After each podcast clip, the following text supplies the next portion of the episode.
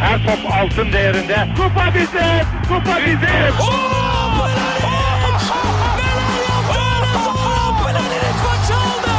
Dengeli de attı. İsabeti de buldu. Magna Fontaine. Zoran Ersen. Dışarı çıkardı. Geldi, geldi, geldi.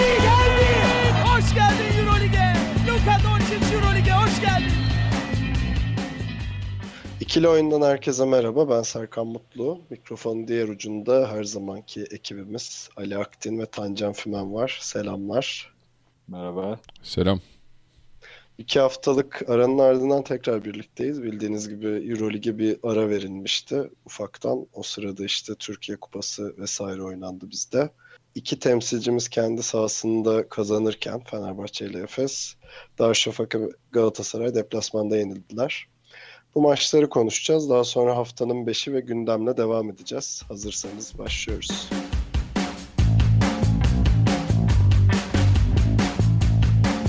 Temsilcilerimiz için haftanın ilk maçında Fenerbahçe Olympiakos'u ağırladı. Çok gergin bir maçtı. Maçın biletleri zaten bir hafta öncesinden tükenmişti. 12 binden fazla seyircinin önünde oynandı maç.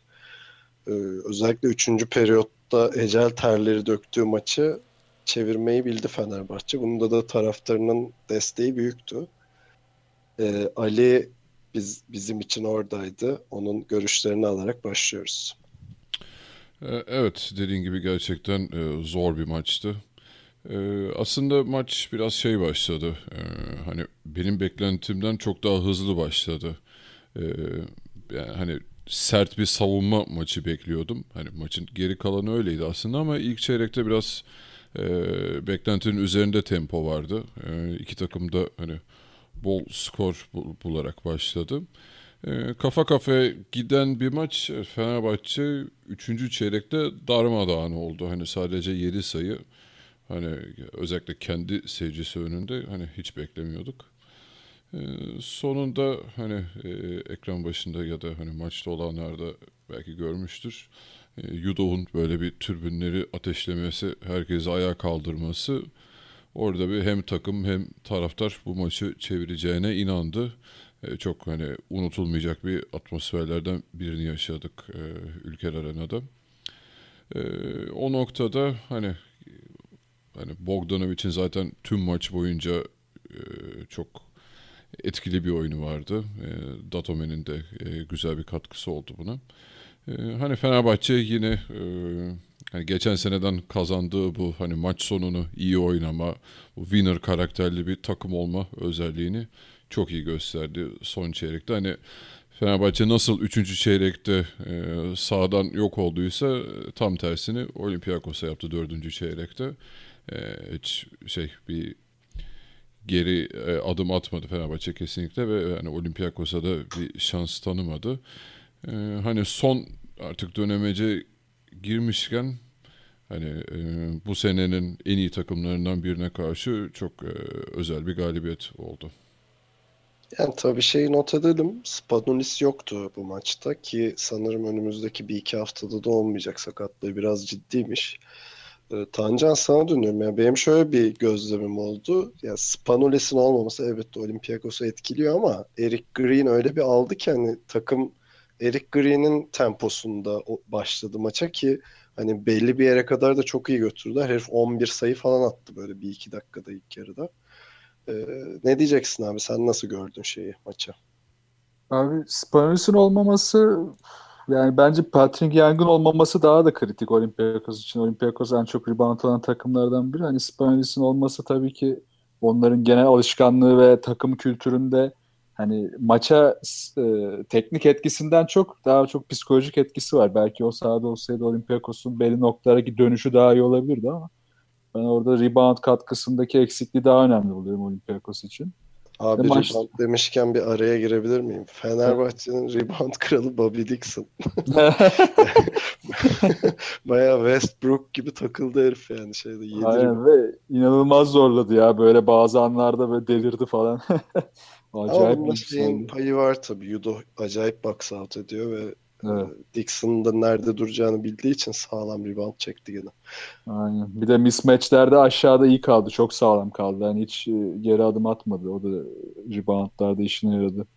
Ama tabii maçtan önce diğer kritik konu da Printezis'ti. Yani ne kadar formda olduğunu geçen hafta konuşmuştuk.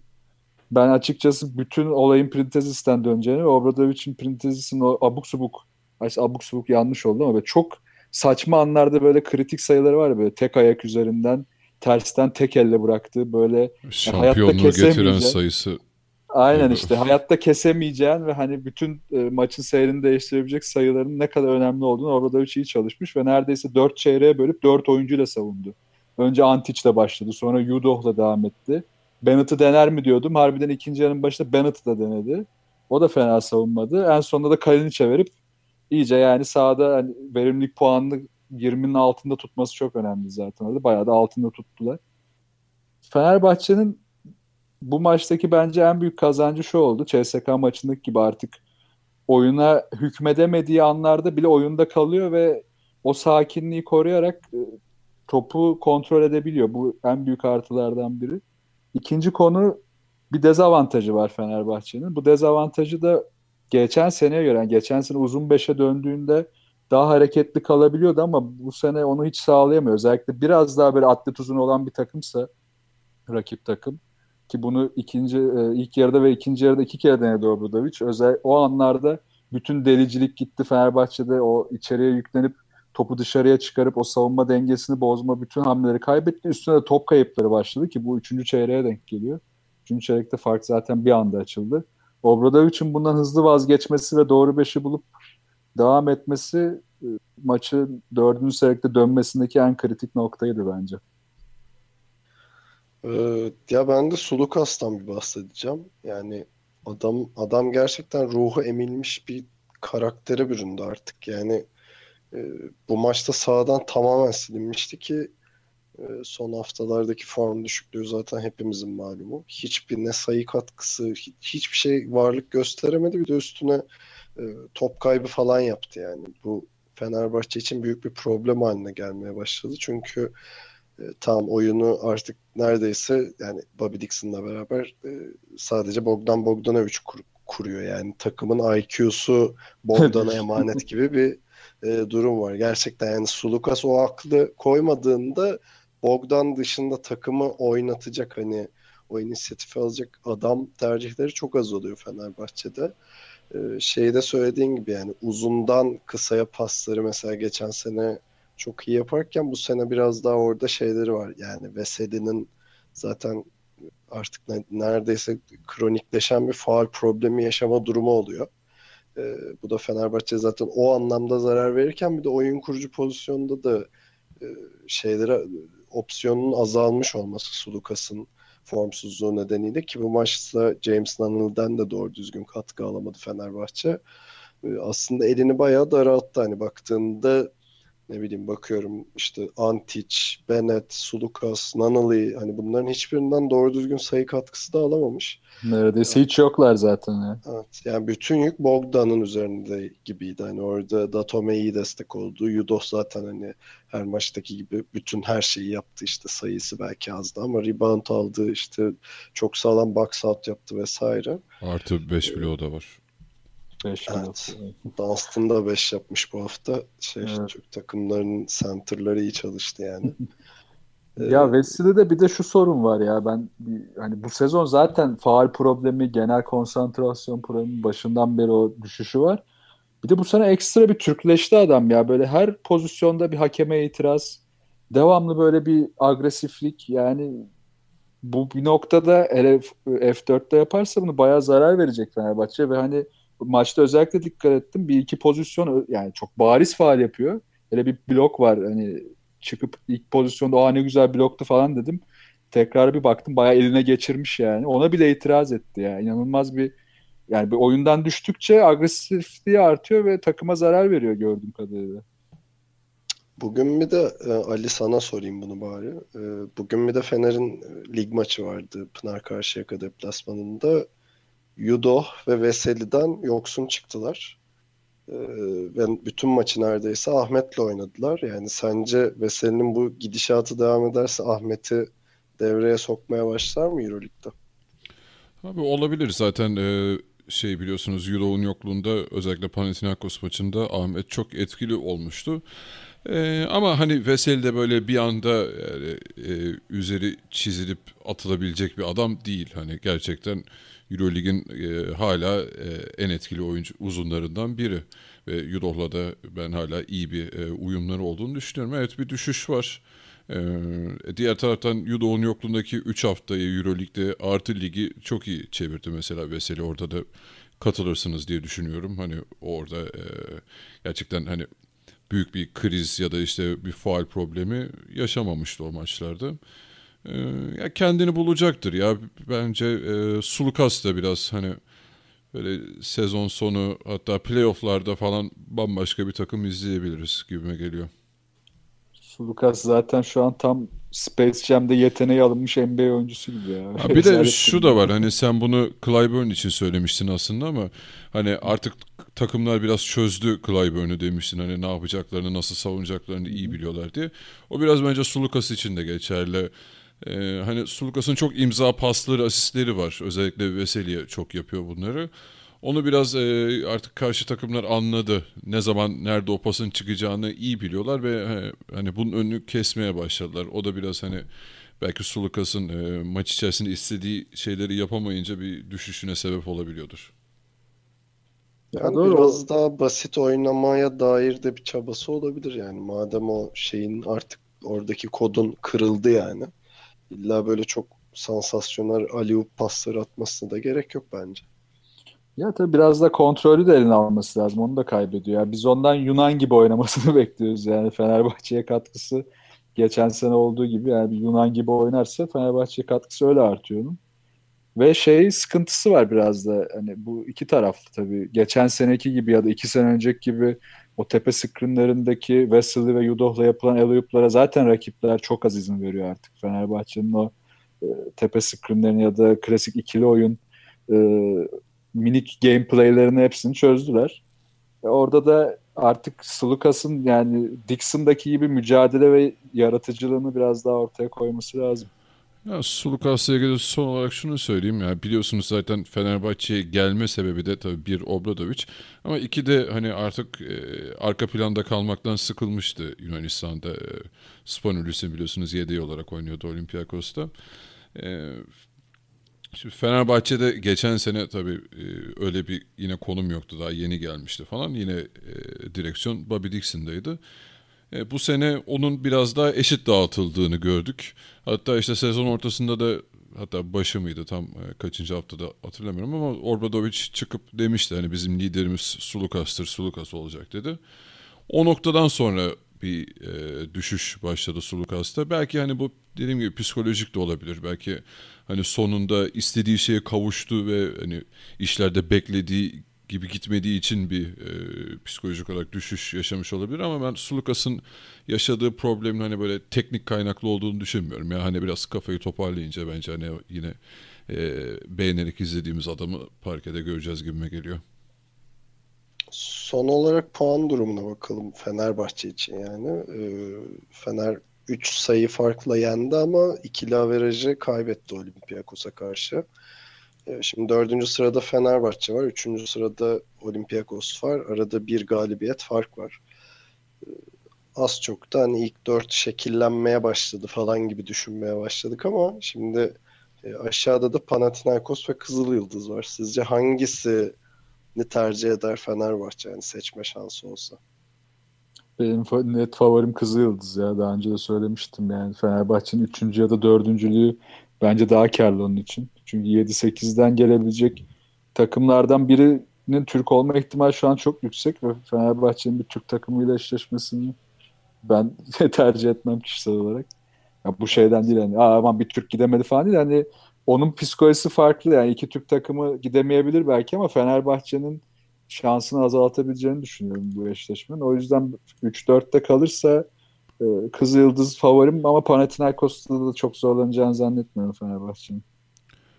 Ben de açıkçası ilk sorduğunda bir e, Panathinaikos'u tercih ederim diyecektim ama e, evet Kızıl Yıldız hani ya Panathinaikos da oyunu daha çok değiştirebilecek hani daha e, yıldız olmasa da hani e, belli bir seviye üstü adamlar var. Hani Kızıl Yıldız daha bir takım oyununa sadık ama yani Fenerbahçe ilk dörtte bitirdiği sürece e, her türlü yani ev avantajıyla hem Panathinaikos hem Kızıl Yıldız'a karşı ben üstünlük sağlayacağını düşünüyorum.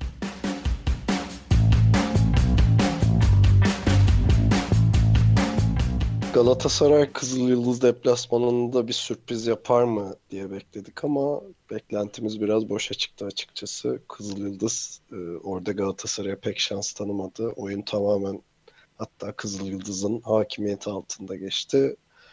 Yani benim için Galatasaray adına sevindirici olan tek şey Ege Arar ve e, şeyin Can Korkmaz'ın süre bulmasıydı. E, bir Euroleague maçında hani bunu bulmaları değerli bir şey sonuçta. Tancan senle başlayacağım. Nasıl değerlendiriyorsun maçı? Benim Galatasaray'dan bu sezon sürpriz beklemediğim iki maçtan biriydi bu aslında. İlk, ilki de Broşe'ydi ki Broşe'de son maçta dönecekler. Yine o maçı da ben %100 kaybedeceklerini düşünüyorum ne olursa olsun. Hani her maça çıkarken Galatasaray olup olmadığına bakmadan hani kadrosunu bile düşünmeden az da olsa bir şans olduğunu düşünürüm her takım ama bu maçta bence kesinlikle yoktu. Çünkü Kızıl Yıldız ne yapabiliyorsa Galatasaray tam terslerini yapamıyor. Yani Kızıl Yıldız'ın hızlı hücumlarında bir zeka var. Her zaman e, yarı sahada sete oturduğunda ya baskılı savunma var ve gardı tam sahada baskı var. Tempo kontrolü her zaman Kızıl Yıldız'da. Ve buna karşı koymanız için e, kadro yapınızın daha atletik olması lazım. Birinci hata burada başlıyor. Price'la başlandı hızlı hücum oynamaya yatkın olmanız lazım ve köşede mutlaka iyi şutörleriniz olması lazım. İkinci hata burada başlıyor. Ne Dibbler ne Fittipaldo ilk beşteydi. Ve sayı yeseniz bile hızlı karşılık ver, verebilecek bir mental gücünüz olması lazım. Bu zaten Galatasaray'da bütün sezon boyunca yoktu. Ve bunların hiçbiri olmayınca zaten karşılık veremeyeceği bir yapıydı ki bu dediklerin hepsini Efes sen bir şekilde yapıp oyunda kalarak Kızıldız'ı yanmıştı orada. Galatasaray'da bunların hiçbiri olmadı ve üstüne de hani yarı sahada savunmayı da geçtim. Zaten Galatasaray sezon boyunca iyi savunma yapmadı ama transition'larda da hiçbir şekilde yani ilk kez bir araya gelmişler gibi hala yani. Kaç maç oldu. Bütün transition'larda böyle bir savunmada paylaşamama. Herkes böyle adamını ararken hiçbir şekilde bir alanı savunmaya kasmıyor. Yani bakmıyor bile ne olduğunu. Ve hızlı hücumların çoğunda ya üçlük buldu Kızıldız ya da çok çok rahat içeri girip faal aldı bir de üstüne. Ve yine Ergin Ataman'ın maç içi temposunda bunlara cevabı çok geç geldi. Zaten bu cevapların gelemeyeceğini anlayınca da ikinci yarı böyle bayağı hiçbir şey izlemeden bitirdiğimiz bir maç oldu yani. Ali sen ne diyorsun? Abi ben hani Tancan'dan farklı olarak hani işin e, koç seçimlerine falan değinmeden ben şöyle değerlendiriyorum bu maçı. Şimdi bir tarafta e, hani bu sene iyi bir sezon geçiren, e, iyi basket oynayan ve kendini hani ilk 8'de tutmak için hatta ilk 6'da tutmak için savaşan bir takım var.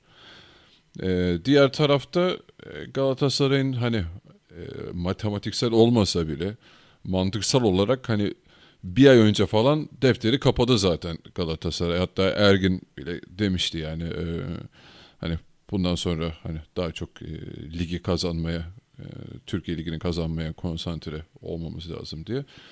E, Galatasaray Barcelona karşısında hani bu sene içinde kalan o e, şeyi de deplasman galibiyetini de aldı.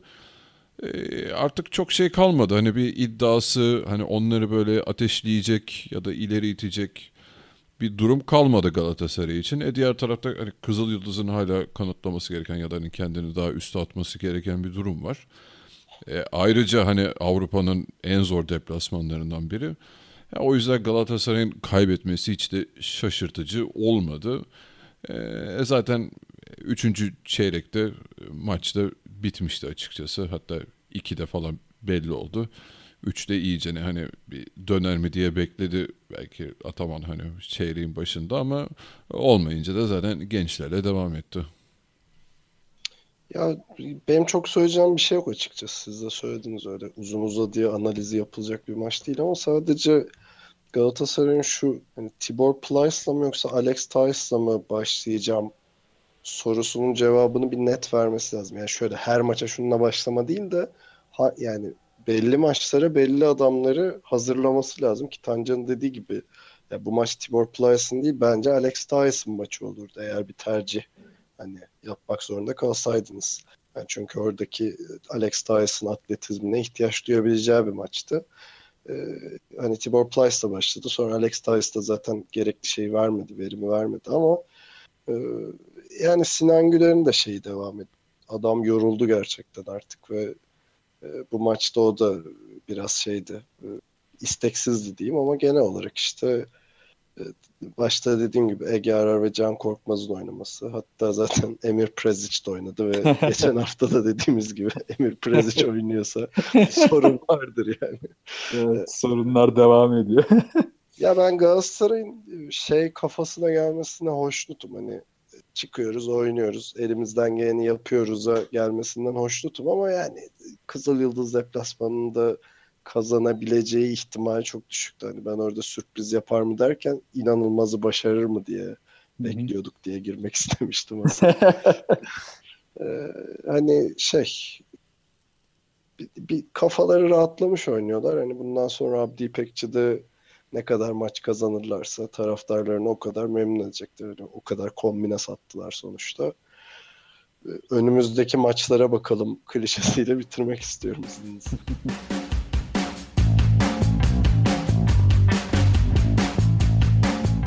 Herhalde haftanın en zevkli maçında Anadolu Efes kendi sahasında Baskonya'yı yenmeyi başardı. Çok kritik bir maçtı yani Efes'in playoff iddiasının devam etmesi için. Maçı baştan sona da üstün götürmeyi başardı Efes. Hani hep şeydi kontrol altında tutmayı başardı diyebiliriz. Tancan seninle başlayacağım. Bu örteli ne yapalım ya? Nazar boncuğu takalım mı bir herife? Üç hafta önce yolluyorduk adamı. Şimdi baya karbonata basıp saklayasın var yani. yani çok acayip yani. Tam böyle NBA'de kontrast sezon oynayan oyuncu ya yine söylemiştim ama. Yani o tadı veriyor. Bozmaz inşallah. Yani 3 maçtır o hani ışık devam eder mi demiştim. Demiştik hatta hepimiz. Ediyor. Yani Anadolu Efes basında gördüğüm, duyduğum hani hala ne oynadığı belli değil. İşte herkese bir sorun yaratabiliyor. Hatta işte yedinci olursa işte şöyle üst takımlara işte ne olduğu belirsiz bir takım olarak çok zarar verebilir gibi garip yorumlar görüyorum. Bence tam tersine bu sezonun içinde ilk kez Anadolu Efes'in ne oynadığı belli. Yani roller oturdu. E, Hörtel oyuna çok hakim. Özellikle tek oynuyor oyunun çoğunda. Ve tek oynarken de yani o hep beklediğimiz tepe oyunları ve hızlı hücumlar inanılmaz olmaya başladı ya. Yani bazı pozisyonları hayal edemiyorum yani. Tükürdüğümü nasıl yaladığım belli değil ama Örtel için cidden hepsini yalayabilirim şu anda. Hiç sıkıntı yok. Ali sen nasıl buldun? Peki Örtel'i Tancan'a sordum. Sana da Hanikat'ı sorayım bari. Vallahi hani ya adamın atletizmine hayran olmamak elde değil ya. Hani o zıplamalar, smaçlar, bloklar hani gerçekten e, çok keyifli adamı izlemesi. Hani e, keşke hani diğer takımlarımızda da birer tane hanikat olsa yani. Her takıma lazım ya. ee, hani Tancan e, Hörtel'e e, şeyi teslim etti. Ben de Perosovic'e edeyim. Hani burada e, hakkını teslim edeyim. E, onu da ağır eleştirdik burada birkaç hafta evvel ama e, son 5 haftadır hani e, Efes'in gerçekten çok iyi bir çıkışı var ve hani gerçekten izlerken e, keyif veren bir Efes haline geldi. E, hani bu maçta çok hani detaylara dikkat etmezsek Brandon Paul bile hani gerçekten bir görev adamı gibi hani kaldırıp e, üçlükleri üst üste yolladı. E, ya Hör... zaten Paul pardon araya giriyorum ama yok, yok, buyur. yani Brandon Paul maçta da siz de o hissiyatı hissetmişsiniz. Yani ne zaman catch and shot oynasa süper ama ne zaman ki topu eline alıp zorlamaya başlasa oyun ona cevap veriyor. Hacı biz böyle oynamıyoruz. Sen o topu hiç zorlama diyor yani. Hepsini ya kaybetti toplu oynadığında ya da blok yedi ya da şutları böyle inanılmaz kötü gitti. Tabii canım yani, Türkiye hani liginde yapabileceği şeyleri Euroleague'de denediğinde nasıl sıçtığını affedersiniz görmüş oldu biraz. Hani orada biraz boyunun ölçüsünü almış gibi. Hani ama şeyde de çok işe yarıyor yani Perasovic'in orada gerekli uyarıyı yaptığına eminim.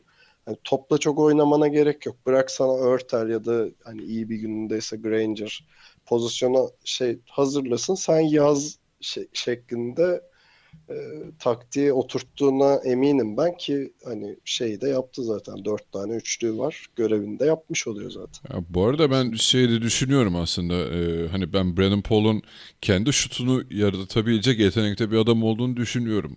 Ki hani bunu ilk geldiği zamanlar bize gösterdi o 20-20 attığı maçlar üst üste. E, bunu gösterdi ama işte hani o kontrolü kaybedince takıma zarar vermeye başladı. E, ve bunu da üst üste yapınca orada hani artık e, tabii işin arka planında ne döndü bilmiyoruz ama büyük ihtimalle hani Perosovic bir ayağını yere bastı. Çünkü Dayak. Artık bordu mu yedi kafaya bilmiyorum ama ya da sıra dayana mı çekti çünkü Hörtel de aşırı, aşırı toparlandı. Ee, yani evet dediğiniz gibi bu yani içeride bir bir şeyler değişti. Hani, tabii bu süreçte bir e, Granger'ın şeyi düştü. Biraz performans düştü ama artık hani bunlara da çok böyle takılmamak lazım. Hani bir endişe verici e, boyutta bir şey olduğunu zannetmiyorum. Hani dönemsel şeyler olabilir.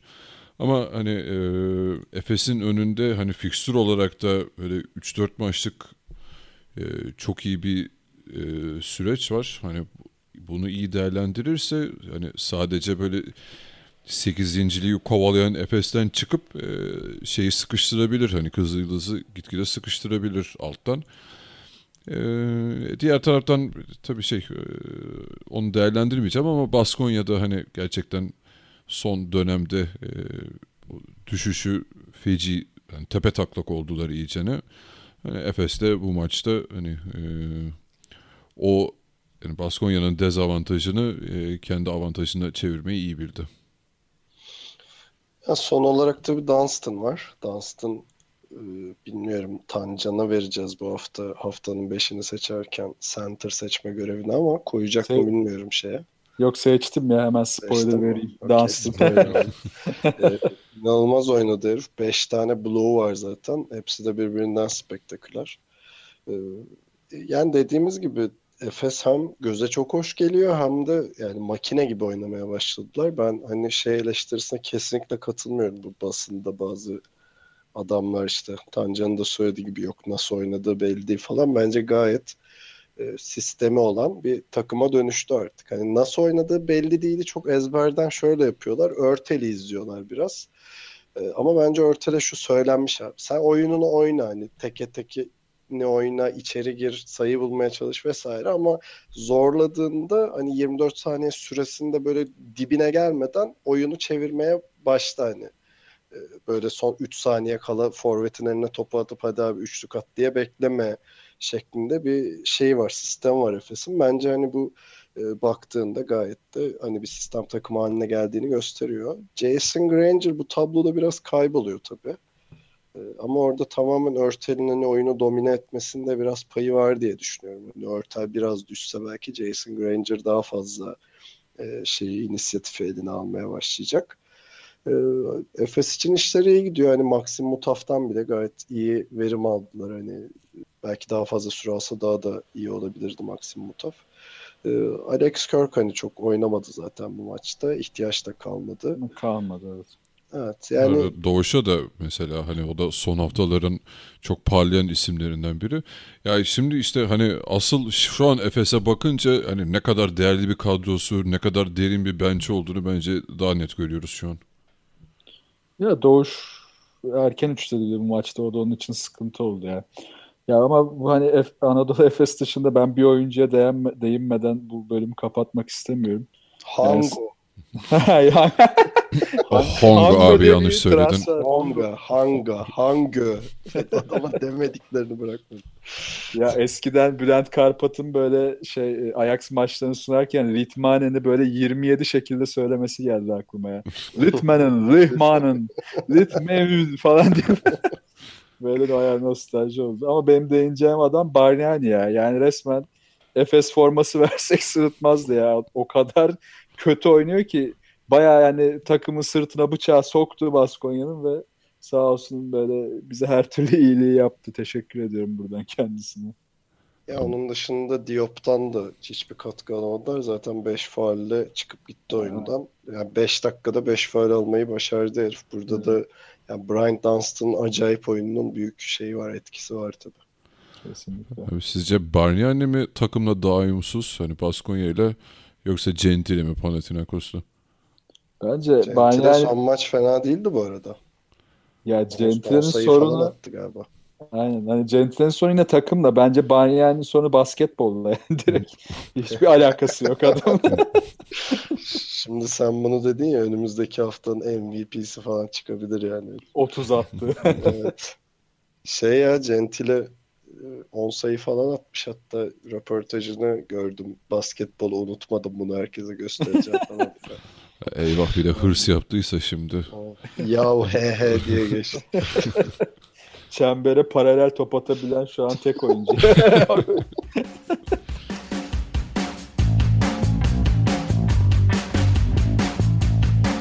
Temsilcilerimiz adına haftanın son maçında Darüşşafaka Real Madrid deplasmanına çıktı. Sergio Yul'ün hayvan gibi oynadığı maçta 101-83 kaybetmeyi başardık açıkçası. Tacan sen de başlayacağım. Ne diyorsun abi? Abi Golden State gibi dövdüler ya böyle yarı sahadan üçlük eksikti o da oldu yani hiç sektirmediler. Yani aslında maçın başındaki Blatt'ın stratejisi buraya karşı olabilecek bence en doğru stratejiydi. Yani rak- içeriye olabildiğince zorlayalım. Rakibin kritik noktalarına erken faal aldırıp oradaki düzenlerini bozalım. Ve tempoyu yani topu erken kullanmayarak olabildiğince düşürelim de. Ama bunu denedikçe ve bu olmamaya başladıkça topu daha hızlı kullanmaya çalıştı Darüşşafaka. Bu da tabii ki bütün o stratejiyi bozdu üstüne daha çok Real Madrid gelmeye başladı ve bomboş yani Trey Tompkins'ten bile köşeden böyle dörder beşer üçlük yedik. Bunu ya geçen haftalarda demiştik hani takım mı Blatt'ı dinlemiyor, Blatt elindeki malzemeyle artık bu mu oluyor diyor. Onu sezon sonunda anlayacağız zaten gidecek kalacaklardan ama Darüşşafaka hakkında artık e, her hafta neredeyse aynı şeyleri konuşmaya devam ediyoruz. Yani bir haftası bir haftasını tutmuyor ama sorunlar genelde aynı. Ve hani bu maçta da iyi oynasa bile, gerçi bu maçı iyi oynasa bile Darüşşafaka bence bu performans özellikle Rul böyle oynarken zaten kazanması çok zordu. Ali sen ne diyorsun abi? Yani ben de hiç bir şekilde Darüşşafaka hani yenerek dönse çok şaşırır, şaşırırdım açıkçası. Ee, pek de şaşırmamış olduk. Hani öyle pek başa baş da geçmedi maç ama Ha, e, ben Darüşşafaka yerine Madrid'i konuşabilir miyim? yani, yani gerçekten hiç içimden gelmiyor ya. O kadar kötüydü ki maç. Yani şimdi Real Madrid hızlı tempo, açık alan bunu oynayarak başladı ve hani tıkır tıkır attılar. Sergio Llull zaten maç başında feci attı. Ee, ben hani şeyi bekledim Darüşşafaka'dan bütün maç hani bir sert savunma şey hani Real Madrid doğru düzgün çizgiye bile yollayamadılar. Hani Darüşşafaka iki katı gitti Real Madrid'in çizgiye. Yani bir tepki bekledim, bir şey bekledim de yok ya hiçbir şey yok maalesef. Hani Real Madrid nasıl oynamak istiyorsa tamamen öyle oynadı ve hiç yani Darüşşafaka farkı ne zaman 9'a indirse Real Madrid onu şey ne olduğunu anlamadan tekrar 15'lere falan çıkardı. Yani hiç geri dönüşün e, hani ışığı kesinlikle yoktu Darüşşafaka'da. E, yani ben artık maç maçı değerlendirmektense şeyi konuşmak istiyorum. Hani Blatt'in ben sözleşmesi 2 yıllık ya da opsiyonda var mı tam hatırlayamıyorum onu ama ya ben seneye gerçekten David Blatt bu takımın başında kalacak e, şeyini kesinlikle görmüyorum ya. Yani bu sene sonu gidecekmiş gibi ve biz hani bu sene içinde ne yaparsak onu yaparız gibi hareket ediyor Darüşşafaka.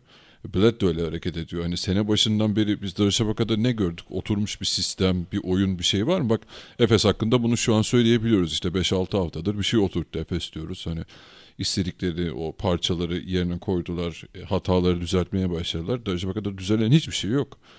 Yani sadece şey oluyor. E, maç maç hani biri öne çıkacak. İşte Wilbeck'in acayip atacak. İşte Clyburn şey yapacak falan. E, bu takım sert savunma da yapabiliyor yeri geldiği zaman. Fenerbahçe'ye bunu karşı yapıp kazandılar. E, bu maçta niye bunu yapamıyorsun? E, demek ki oturmamış bunların hiçbiri.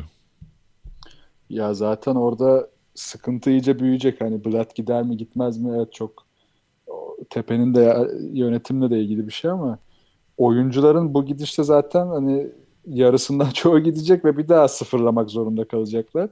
Çünkü e, mesela geçen bir liste yayınlandı galiba ya Eurohoops'taydı ya başka bir sitede hatırlayamadım şimdi. İşte NBA'ye e, gidebilme potansiyeli olan bu seneki en iyi 10 Avrupalı gibi bir şey vardı. E, Jijic zaten gidiyor kesin herhalde. Ha, Jijic gidecek. Will Beck'ine göz koyan takımlar var. E, çünkü NBA'de artık iyi savunmacı ve e, üçlükçüler hem iyi savunmacı hem işte three, three point and defense, defense dediğimiz adamlar çok değerlendi. E, Will Beck'in orada göz dolduruyor. E, bu adam da gidecek. E, zaten James Anderson'ı kendileri yollayacak muhtemelen. E, e, şimdi yeniden takım, e, yeniden sıfırlayacağız. E, gitti yani koca bir sezon çöp ve seneye de yarı çöp gibi gözüküyor. Yani Brad Ender Giden... Arslan da draft edildi. Ender Arslan Doritos'un yeni yüzü olacak bence artık. Reklam yıldızı olacak. Ve artık ve e, şuna çok üzülüyorum ya. Başta çok hevesliydik hepimiz. Abi Okben bu formda daha, daha Şafaka'da neler yapıyorduk? Ya şu an üzülüyorum. Keşke Giresun'da kalsaydı ya. Ne süre alabiliyor ne ligde oynayabiliyor. E, oynatmayacaksınız abi. Niye adamı yaktınız ya? Hani kalsaydı Giresun'da da daha çok üstüne koymaya devam etseydi keşke. Çok üzülüyorum açıkçası. Ya bu geleceğini hani arada konuşuyoruz zaten Daçka'nın ve özellikle Blatt'ın. Ee, bir yandan da almaya devam ediyorlar. Hani Okben Ulubay'ı aldılar. Şimdi bir de şey söylentisi var. Ee, Eric McCollum'u istediklerine evet. dair bir söylenti var. Ee, yani alın baba da ne yapacaksınız bu adamları önümüzdeki sene? Hani Vanamaker mesela kalacak mı şey Euroleague'de oynamayan bir takımda oynamak isteyecek mi Vanamaker mesela? Önümüzdeki sene hayatta büyük istemez. olacak. Hayatta istemez yani ve Abi, ona talip olacak çok takım var yani. Abi oyuncuları geç. Bled zaten Euroleague'de olmayan bir takımı çalıştırır mı ya?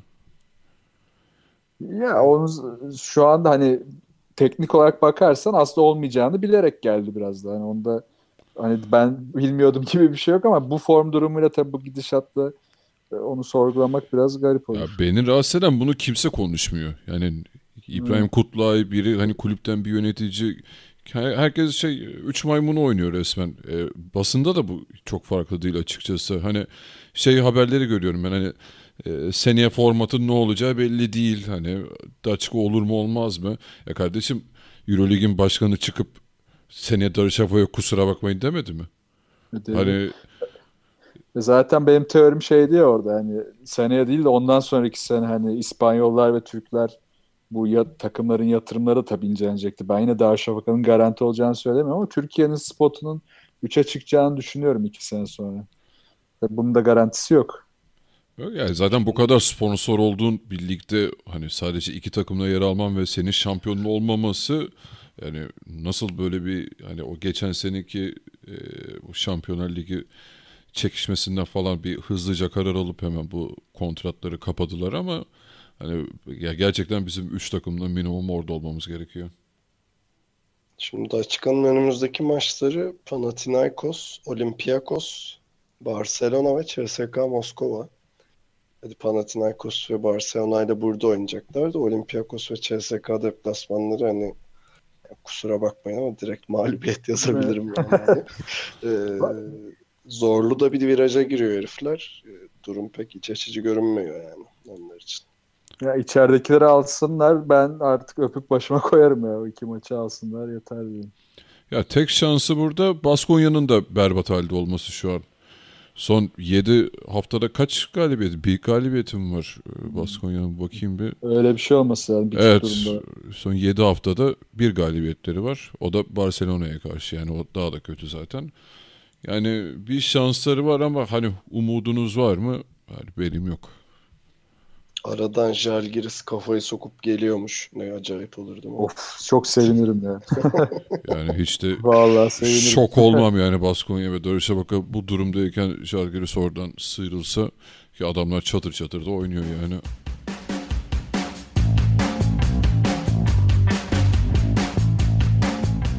Sırada haftanın 5'i var. Bu hafta Ali Guard seçecek. Ben forvet seçeceğim. Tancan'dan da uzun ve koç seçmesini isteyeceğiz. Yani haftanın en iyilerini seçtiğimiz bu bölümde. Ali senle başlıyoruz. Bize iki tane guard verir misin? Evet bu haftaki kısalarım e, bir numara e, Žalgiris'ten Lukas Lekavicius. Yani e, çok sıra dışı bir iş yaptı gerçekten e, Brose karşısında 21,5 dakikada 29 sayı bularak hani e, inanılmaz bir performans ortaya koydu. E, iki numaralı kısa adayım ise e, Real Madrid'den Sergio Llull. Hani daha ne yapmadı ki maçta? Yani orta sahadan kaldırıp attı adam artık. Hani bu sene inanılmaz bir e, performansı var zaten ve yani her maçta üzerine koymaya devam ediyor gibi.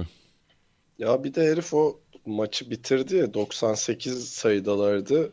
E, Şey Valencia'dan üçlük attı. 101 oldu skor. Böyle bir de tavırlar, tripler elime vurdu falan bir şey. Abi sokmuşun orta sahadan ne yapıyorsun ya? Şortu indir dur öyle. Gıcık Ay- ya herif. Ayıp ayıp ya ayıp. Var o şey atış stiline de gerçekten arada uyuz olmuyor değilim ya. Böyle hani kolunu bile kaldırmıyor. Gerçekten saçma sapan bir topu çıkarıyor elinden. Ama Biraz sokuyor adamı. körimsi bir şey var. Çok hızlı çıkarıyor ama aşağıdan çıkarıyor. Yani.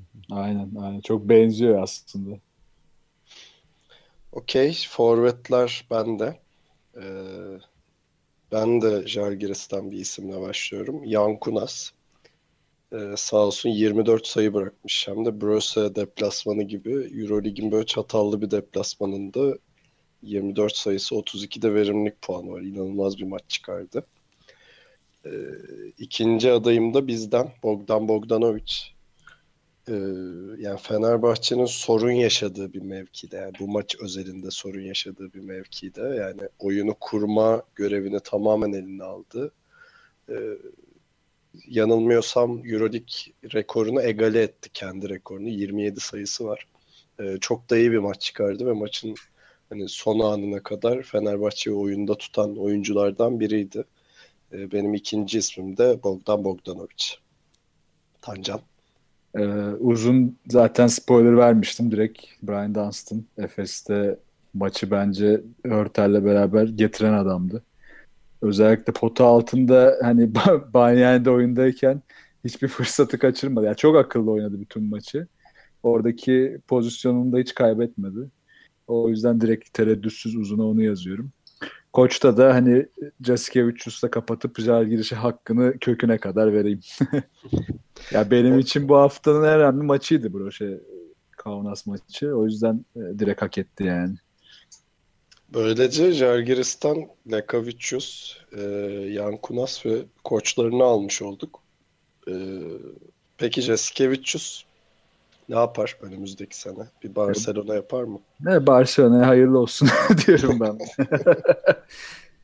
yani keşke Galatasaray'a falan gelse diyeceğim de imkansız yani. Hani Anadolu Efes'te bu hani zaten çıkarsa büyük ihtimal Perasavic'te devam eder X8'e kalırsa.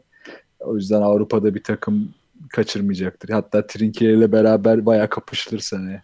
Ya gönül ister tabii Türkiye'de tekrar görelim Jasikevicius'u ama ya bu arada bence e, Maccabi'de hani Barcelona'ya o konuda ciddi bir rakip olacak. Ya hani Jasikevicius'u e, hani eski oyuncuları zaten ikisinin de e, o da Ben Maccabi bileti alacak ve kapatacak diye düşünüyorum ama çok da şey spekülatif konuşmayayım şimdi.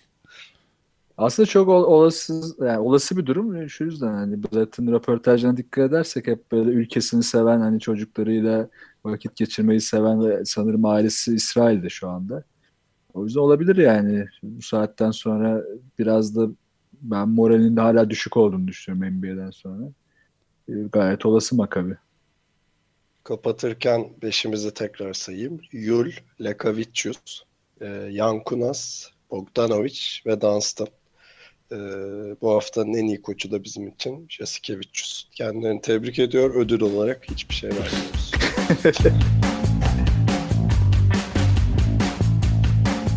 Bu hafta tek bir gündem konumuz var. Gerçi o da büyük bir konu. Ee, Sacramento Kings'in e, GM'i Vladi Divac yaptığı açıklamada Bogdanovic'in önümüzdeki sene Sacramento Kings'de forma giyeceğini söyledi. Bu hafta NBA'de takasın son haftasıydı ve e, Kings biraz hareketli dakikalar yaşadı. Hatta NBA tarihinin en büyük enayiliklerinden birine imza attılar.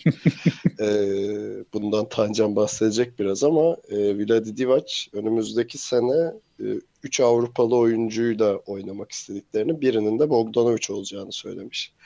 Ee, Ali senden başlayacağım. Bogdanovic NBA'de ne yapar? Ee, onun üzerinde de Kings'de ne yapar? Abi e, yani Bogdanovic'i gerçekten hani çok sevdiğim e, bir oyuncu. Hani izlemesi de çok zevkli. Karakter olarak da ben hani çok beğendiğim bir oyuncu. Ama hani şimdi şöyle değerlendirmek lazım. Yani Bogdanovic şu an Euroleague'deki her takımda bence kafadan ilk 5 oynayabilecek kapasiteli bir adam. Katılıyor musunuz? Aynen canım evet. direkt. Ee, ama itiraz ediyorum.